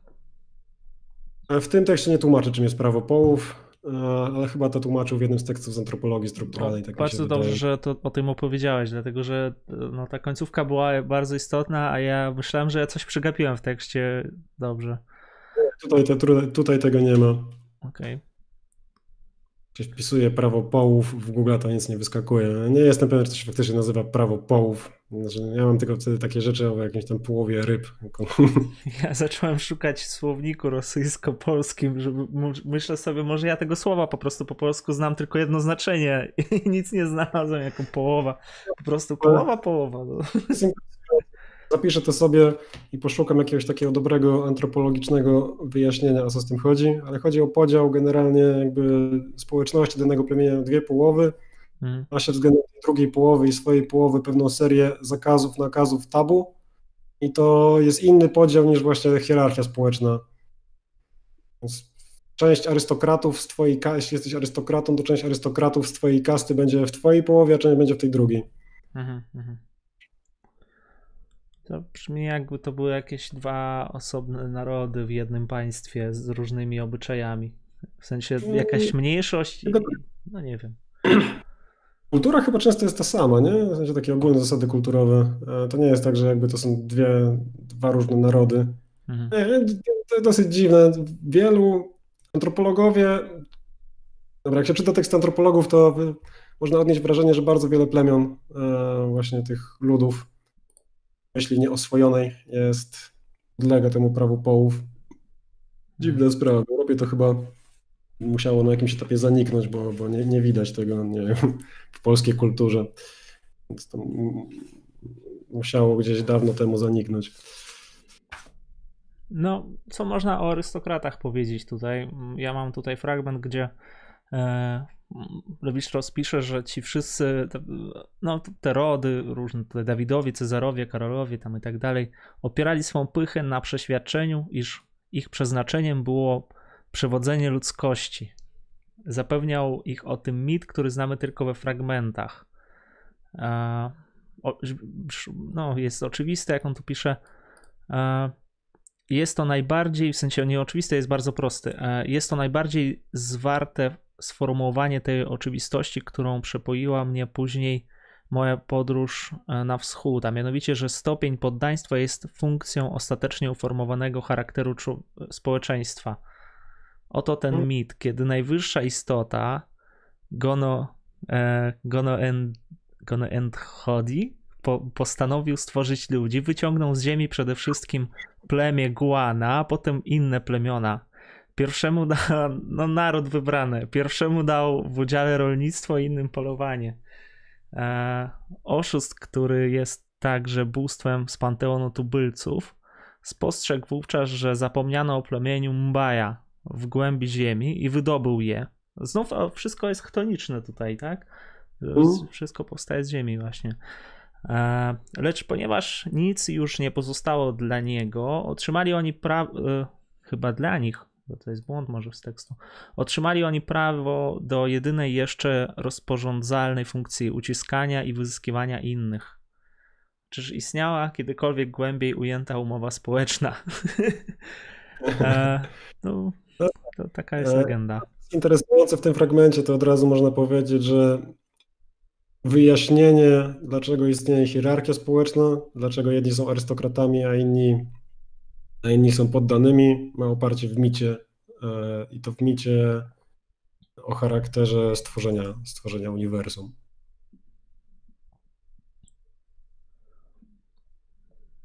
Tak, no i tutaj dalej jest e, ten fragment, o którym wspominałeś na początku, że mamy w plemieniu mężczyzny, e, znaczy mamy mężczyzn tych rzeźbiarzy i kobiety właśnie, które są malarkami mężczyźni wycinają z twardego niebie, niebieskawego drzewa gaj, gajac, czy co to jest za słowo, czy to jest błąd, jakieś no, figurki, o których mówiłem wyżej i przyozdabiają także ornamentami e, przedstawiającymi mm, ludzi, strusie i konie, rogi zebu, które im służą jako filiżanki, rysują również czasami, lecz zawsze, aby przedstawić rośliny, ludzi lub zwierzęta. No, natomiast dla kobiet zarezerwowane jest przyozdabianie ceramiki i skór oraz smalowanie na ciele, e, w czym niektóre są prawdziwymi wirtuoz, wirtuoskami. No i tutaj można zobaczyć e, te właśnie rysunki, które e, są malowane na ciele. No, tu będzie mówił o tym, że tam, znaczy o tych da, dalej tam będą a w sumie w tych też chyba jest. On mówi, że tam z jednej strony są symetryczne, z drugiej asymetryczne y, i pró będzie próbował w ogóle coś takiego zrobić, że no nie wiem, czy mu się to udaje tak do końca. Będzie porównywał te rysunki do o, podziału właśnie w tej, y, tej społeczności, że to ma jakieś odzwierciedlenie w tych rysunkach. W typowym, powiedzmy, manierze badacza strukturalnego zbiera rozmaite opozycje binarne, jakie występują, czyli właśnie symetria, asymetria na, e, no, na, na, na tatuażach, e, brak tego prawa połów, czy tej typu podziału połów, albo typ ten, i następnie będzie starał się nam pokazać, że one są wszystkie w jakiś taki związane czymś takim, no właśnie, ukrytym na pierwszy rzut oka i to jest ta struktura. Więc tak, będzie się starał wykazać, że w tych tatuażach, w tym jak one są malowane, właśnie, że mają e, fragmenty symetryczne i asymetryczne, odbija się głębsza prawda o strukturze społecznej tego, tej, tej społeczności, tych, tych Indian. No tak. To, to jest też e, ciekawy moment, że te kobiety, e, które malowały różne rzeczy tam na ciele e, czy na innych rzeczach, e, z, w ciągu 40 lat tam się nic nie zmieniło. On, on, mówi, że on porównywał swoje właśnie te szkice, które tam zostały mu po podróży i te nowe właśnie, które on dostał i pod tym względem mówi, że są konserwatywni tam. E, to znaczy no, kobiety tam konserwatywne. Sztuka jest w stanie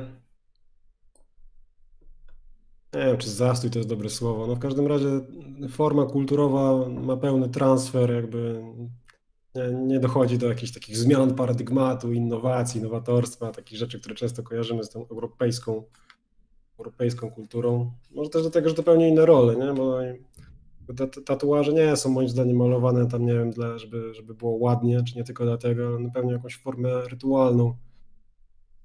Że pewnie jak ma przechodzić jakiś rytuału przejścia, też symbolizują właśnie twój status społeczny, twój status wiem, religijny w życiu.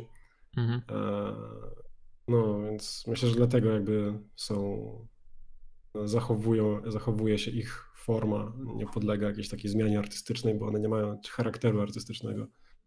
Natomiast tutaj, no tak jak piszę, że w garncarstwie jednak tam są zmiany pewne. Już nie wiem dlaczego Degeneracja, tak. Znaczy też sobie powiedzieć, że ta kultura się generalnie rzecz biorąc rozpada. Kontakt mhm. ze współczesną cywilizacją i podbój. Upadek. Podbój Brazylii nie, nie, nie, nie, nie okazał się zjawiskiem korzystnym dla tych Indian.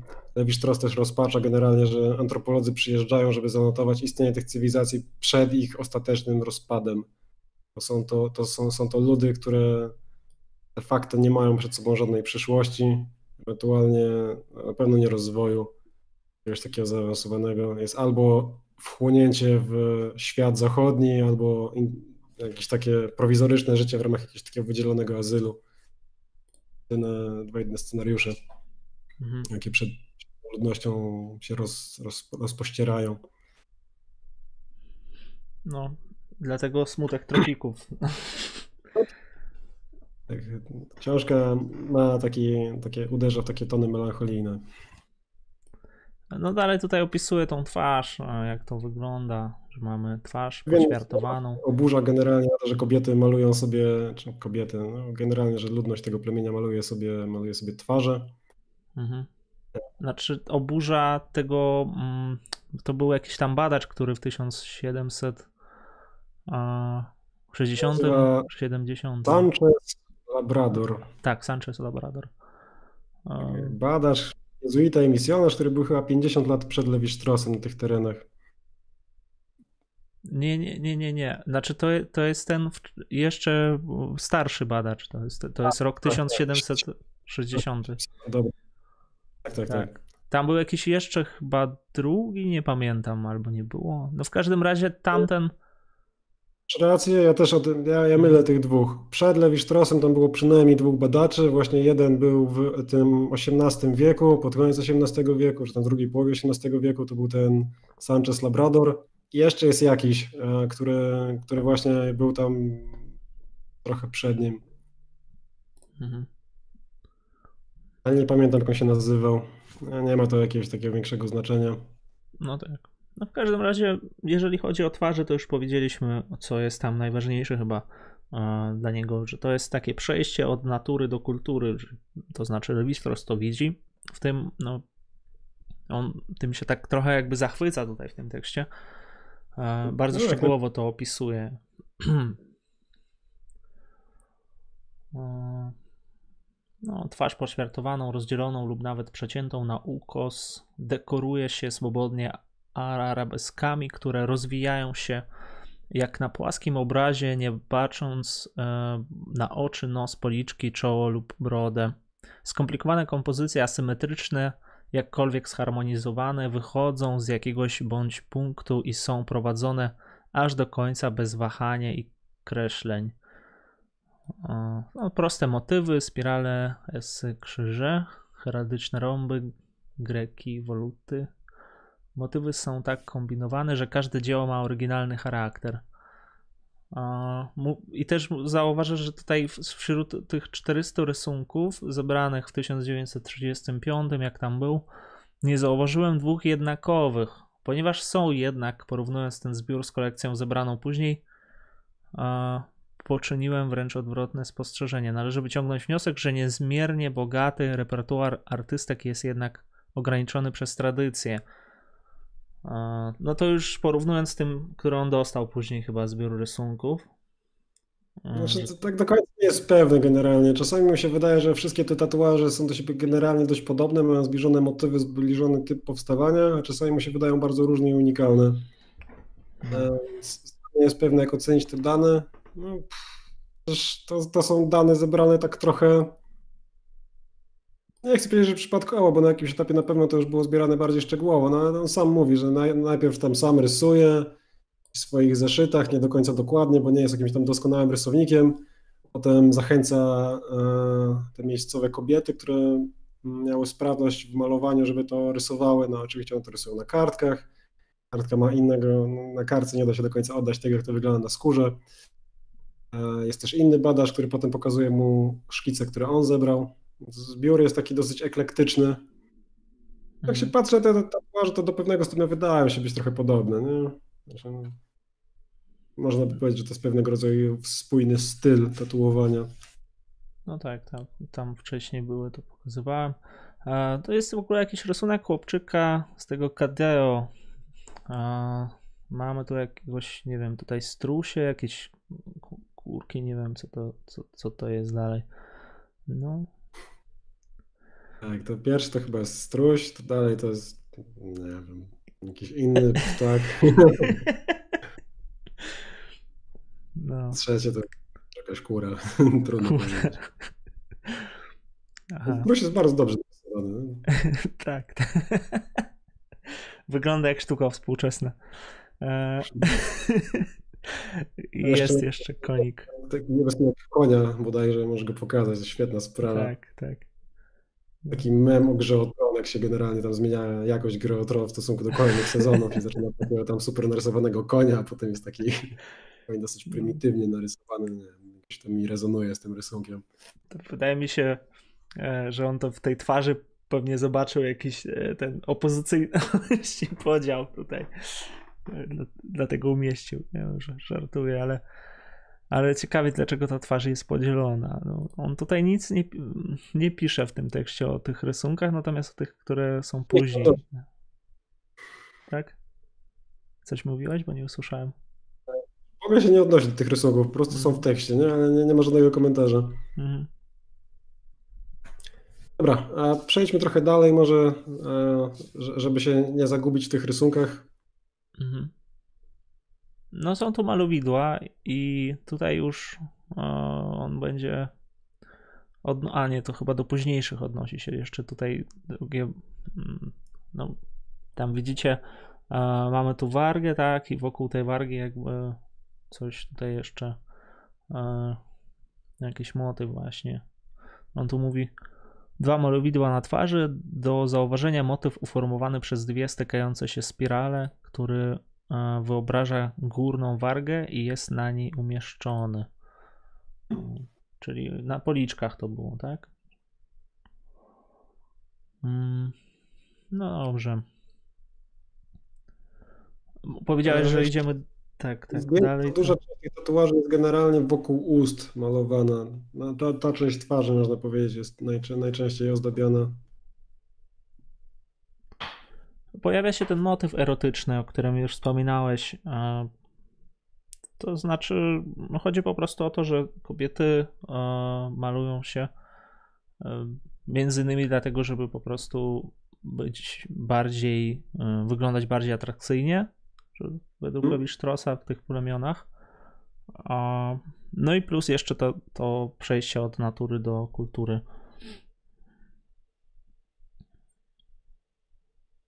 Natomiast on tutaj analogię chyba przeprowadza do, do naszego społeczeństwa, że tak jak u nas to podobnie wygląda ze szminką.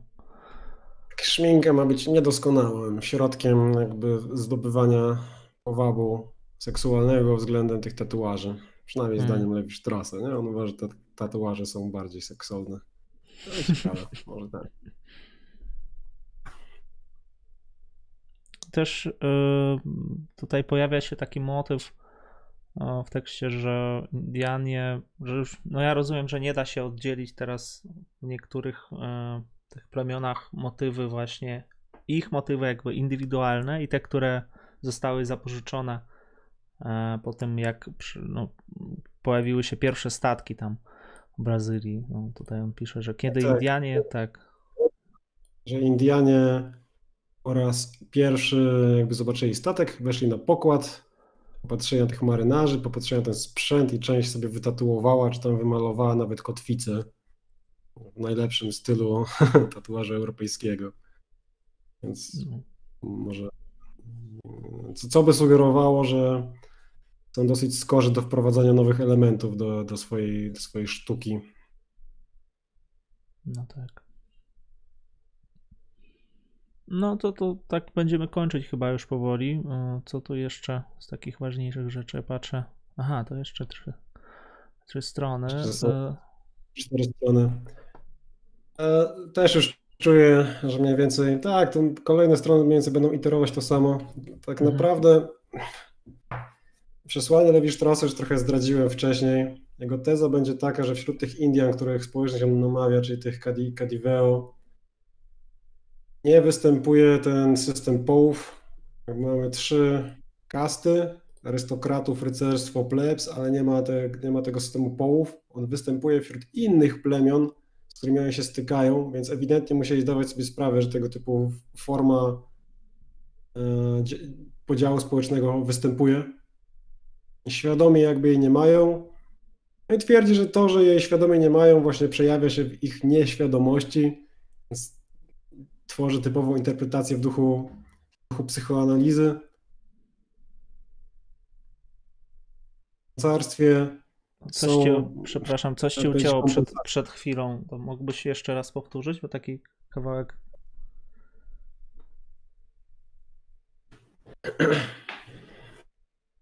Coś... Nie było słychać, tak? No tak, tak, tak. Przez 5 sekund hmm. może nie było. E, mówiłem, że generalnie już trochę zaspoilowałem wcześniej no końcówkę no tak, tego nie, tekstu. To, to, to, było, później tam, no dobra, nie, może nieważne. A... E, no tak czy inaczej, brak tych połów ma być e, ma być przyczyną tego, że właśnie oni mają tak rozbudowaną sztukę zdobienia ciała rytualnego. Taka jest interpretacja Lewi Straussa. Mhm. No jeszcze był jakiś fragment o kartach e, do gry, że te mm. ich malowidła na ciele podobne są do kart. Swoją symetrycznością i asymetrycznością. Ja mogę e, przeczytać ten fragment. Wydawał mi się taki, taki trochę ta, tajemniczy, nie wiem dlaczego. Każda figura karciana odpowiada dwom, dwóm potrzebom. Ma przede wszystkim podwójną funkcję. Jest przedmiotem i służy w dialogu lub pojedynku partnerów. Ma ona również odegrać w grze rolę wyznaczoną każdej karcie jako przedmiotowy, na, przedmiotowi należącemu do kolekcji. Z tego złożonego powołania wynikają różne wymagania. Wymaganie symetrii związanej z funkcją, wymaganie asymetrii odpowiadającej roli. Zagadnienie jest rozwiązane przez przyjęcie kompozycji symetrycznej, lecz według skośnej osi. Unika się w ten sposób formuły kompletnie asymetrycznej, która odpowiadałaby roli, lecz byłaby sprzeczna z funkcją, a zarazem formuły odwrotnej, zupełnie symetrycznej, pociągającej za sobą odwrotne następstwa. Chodzi tu także o sytuację złożoną. Hmm. O co chodzi z tymi kartami właściwie? No, dlaczego on w ogóle wspomina o tych kartach? No. Karty mają być podobieństwem tego, jak ułożona jest między innymi sztuka tych ludów, o których mówimy, czyli to, że w tatuażach występują wzory zarówno symetryczne, jak i asymetryczne. Się jakoś tak nie wiem, mhm. równoważą, można powiedzieć. No bo właśnie te karty też mają, każda figura karciana ma dwie, służy dwóm, dwóm potrzebom. Z jednej strony jakby służy do wymiany jest jakby komunikatem, nie? A, a z drugiej strony e, wyznacza karcie mm, rolę do każdej innej karty. Jakby to powiedzieć, że każda, kiedy mamy kartę, nie wiem, króla, mhm. e, albo tam, nie wiem, dziesiątkę, dziesiątka jest też jakimś komunikatem w grze, że to nie wiem, ty rzucasz dziewiątkę, ja rzucam dziesiątkę, to moja karta jest wyższa. No, ciekawa dziesiątka, analogia. No. Druga rola jest taka, że jakby ona jest dziesiątką, powiedzmy pik, bo, bo nie ma drugiej takiej karty w, w ten w talii. Jakby odróżnia się od innych tylko to, że jest od nich różna, tak można by powiedzieć, nie? Trochę może mętnie. Mhm. Ma to sens, ma to sens. No dobrze, to ja myślę, każdy, że to. No. Karty sta kart stanowi spójny system, którego każdy element różni się od każdego innego elementu, tym, że jest właśnie różny, że ma inny kolor i inną, no, in, inną tam cyfrę lub, figu, lub e, figurę. Jak, jak zobaczyłem po, po raz pierwszy te malowidła, to myślałem, że w ogóle nie wiem dlaczego, ale cały czas myślałem o tylnej, o tylnej stronie kart. I myślę, ale o co mu, o co mu chodzi? No, bo tak to wygląda, jakby to była tylna strona, a nie e, oznaczała jakiegoś króla tam, czy, czy jeszcze inne jakieś karty. Mm, no to jest chyba tyle, co z tych najważniejszych rzeczy to już wszystko tutaj wymieniliśmy. E, e no, widać, że drugi tekst bardziej typowo przypominał te teksty z e, antropologii strukturalnej. Pierwszy bardziej biograficzny. Książka jest niezła. E, pomijając, że się w mojej opinii trochę zestarzała, im będą takie rzeczy, które mogą urazić współczesną wrażliwość. Ktoś tam pisał, że podobnie jest z książkami Malinowskiego. Wyobrażam sobie, że tak, dawno żadnej nie czytałem. Może sobie wkrótce jakąś odświeżę. Też Lewi Strauss jakiś czas polemizuje z tym Malinowskim, e, co przypomniało mi o tym, że chciałem to, do tego wrócić. Może o tych wyspach poczytamy. E, Zobaczymy. No ale tak czy inaczej, to tyle jeśli chodzi o smutek tropików, tak mi się wydaje, nie, nie ma sensu czytać więcej tekstów z tego. Hmm. może kogoś zainteresowało i przeczyta sobie całość. Nie, to jest, jest fajna nie... biografia po prostu. Jako autobiografię fajnie się to czyta, naprawdę to jest świetna przygoda. A nawet jak ktoś nie lubi czytać, to ja polecam na YouTubie e, są na, dwa, dwa nagrania są, po 9 godzin, to jest cała książka, fajnie się tego też słucha. Ja poczy, przeczytałem, a później zacząłem jeszcze słuchać od początku. Tak, tak jak historię się słucha, można sobie robić różne rzeczy i, i słuchać w słuchawkach. No i to wyraźnie łatwiejsze dzieło odbiorze niż niektóre z tych tekstów bardziej metodologicznych czy, czy antropologicznych. Po prostu tutaj siedzi się, czyta, są jakieś różne przygody, jego własne tam perypetie, losy jego edukacji, wypraw. Niezła rzecz, nie? Trochę taka literatura podróżnicza. No tak. No to yy, będziemy w takim razie kończyć. Napiszcie tam w ogóle jak się słuchało, czy yy, macie jakieś propozycje, komentarze. Tak, tak Tutaj pod koniec e, jest cisza. 30 osób nas ogląda. Jak zaczynaliśmy było 50. To jest chyba taka standardowa sytuacja, e, że ludzie podczas streama odchodzą, przychodzą. Widziałem, że są jacyś nowi też. Interesowało też nas na pewno, e, co mamy wziąć dalej ze strukturalizmu. Mam parę pomysłów, mhm. co, co by warto było omówić po Lewi-Sztrosie. Nie wiem, jak ktoś ma jakieś propozycje, to możemy się w nie wsłuchać. Także. Tak, tak. No mamy taki pomysł, żeby, znaczy mieliśmy, nie wiem jak te, teraz, czy to tam zmieniło się, czy nie. W każdym razie to wszystko do ustalenia, żeby Barta poczytać jeszcze, żeby trochę wrócić może do, do Desosira. Mm, natomiast no, jak to ma być strukturalizm, to oczywiście będzie strukturalizm. Tak, do Desosira chciałem zwrócić. E, Barta obowiązkowo. Chciałem też zrobić spotkanie o Lakanie, głównie z mhm. uwagi na to, że dobra, na początku tego roku przeczytałem tekst Lakana wydany w Polsce jako mit indywidualny neurotyka. To jest taki mały, tej mała książeczka wydana przez PWN. Nie wiem, czy to było w jakimś komentarzu na Lubimy Czytać, czy w jakimś eseju przeczytałem. W każdym razie ktoś stwierdził, że przeczytał ten mit indywidualny neurotyka i zaraz zrozumiał, o co chodzi w antropologii strukturalnej Lewi-Straussa. Mm. Więc pod tym względem mogło być to fajne uzupełnienie. Problem jest taki, problem, wyzwanie. Nie jestem specjalistą dla Kana, e, takim za bardzo, ale widziałem, że mieście chyba e, wiosną jakieś spotkanie o Lakanie, więc może uda się jakoś zorganizować. Było spotkanie, to bardziej Magda jest tutaj specjalistką takich rzeczy. E, ja powiem, mm, co mnie interesuje z Lakana. Nie pamiętam, w którym to było seminarium, ale taka historia o zgubionym liście, list zgubiony, tam gdzie. Tak się mówi w języku polskim. Ale jak, tak, jak? tak, to jest bardzo znana rzecz. Ucięło. Jak powiedziałeś? List? Skradziony list. A, skradziony, tak, tak, skradziony list, dokładnie. I tam się pojawia ten moment, e, gdzie no, Lacan pokazuje właśnie, i to jest to przestawienie jego strukturalistyczne, zostawia je znaczące, natomiast znaczone u niego nie odgrywają roli. Chociaż ja słyszałem opinię, że są znaczone, ale tam pojawiają się jakby na przykładzie tego listu skradzionego, bo można zrozumieć, czym jest to pływające e, znaczące, te, te jego łańcuchy znaczących. No to tak, taka uwaga. Dobrze. Będziemy czytać. Mm, natomiast następne spotkanie już będzie po, po Sylwestrze, po świętach. Czy no, po Sylwestrze, czy po? Tak, tak. Ja mam generalnie z Lakanem. Jakby, nawet nie z Lakanem, bo uważam, że to jest dosyć przejrzysty myśliciel. Jak się go czyta, to ma się mm. wrażenie, że się sporo rozumie. Ale no, istnieje w internecie policja lakanowska, która które nie, nie, nie ma mało tolerancyjny w stosunek do bardziej luźnych interpretacji, czy takich bardziej dowolnych, więc się trochę obawiam o tym lakanie mówić. Przyjdą to ludzie i będą bardzo mówić, to jakieś straszne pierdoły. Ojej.